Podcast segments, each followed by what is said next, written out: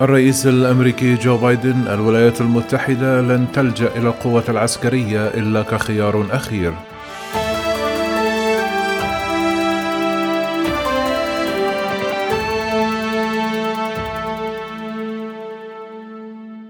أكد الرئيس الأمريكي جو بايدن الثلاثاء أن الولايات المتحدة لن تلجأ إلى القوة العسكرية إلا كخيار أخير. مشددا على رغبة واشنطن في فتح حقبة دبلوماسية جديدة بعد نهاية الحرب في أفغانستان وفي خطاب شامل أمام الدورة السادسة والسبعون للجمعية العامة للأمم المتحدة المنعقدة في نيويورك حدد بايدن توجهات السياسة الأمريكية في الفترة المقبلة مشيرا إلى أننا نلتقي في لحظة مليئة بالأمل والفرص رغم خسارة الكثير بسبب جائحة كورونا المدمرة.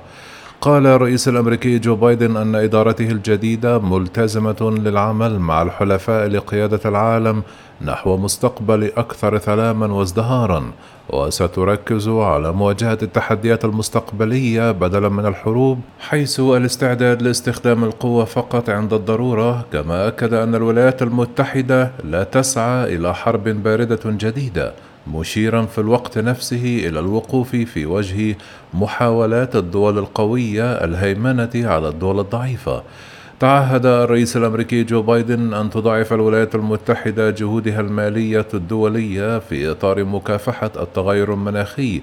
وقال أن إدارته ستعمل مع الكونغرس لتوفير 100 مليار دولار إضافية لهذا الغرض مشيرا إلى تجديد الشراكة بين الولايات المتحدة وأستراليا والهند لمواجهة تحديات المناخ والأمن. كما أعلن أن الولايات المتحدة ستعلن الأربعاء التزامات إضافية في إطار مكافحة جائحة كورونا معتبرا أن القنابل والرصاص لا يمكن أن تحمينا من كوفيد 19 ومؤكدا أن مستقبلنا يعتمد على العمل الجماعي ونواجه خيارا حاسما ويجب أن نعمل على إنهاء جائحة كورونا في كل مكان. من جهة أخرى حض الأمين العام للأمم المتحدة أنطونيو غوتريش الولايات المتحدة والصين على بدء حوار محذرا من عالم يزداد انقساما. قال غوتريش خلال افتتاح أعمال الجمعية العامة هذه وصفة للمتاعب سيكون الأمر أقل قابلية لتوقعه مقارنة مع الحرب الباردة. من أجل استعادة الثقة وإثارة الأمل نحن بحاجة للتعاون مضيفا نحن بحاجة للحوار والتفاهم وذلك بحسب ما نقلت وكالة فرانس بريس.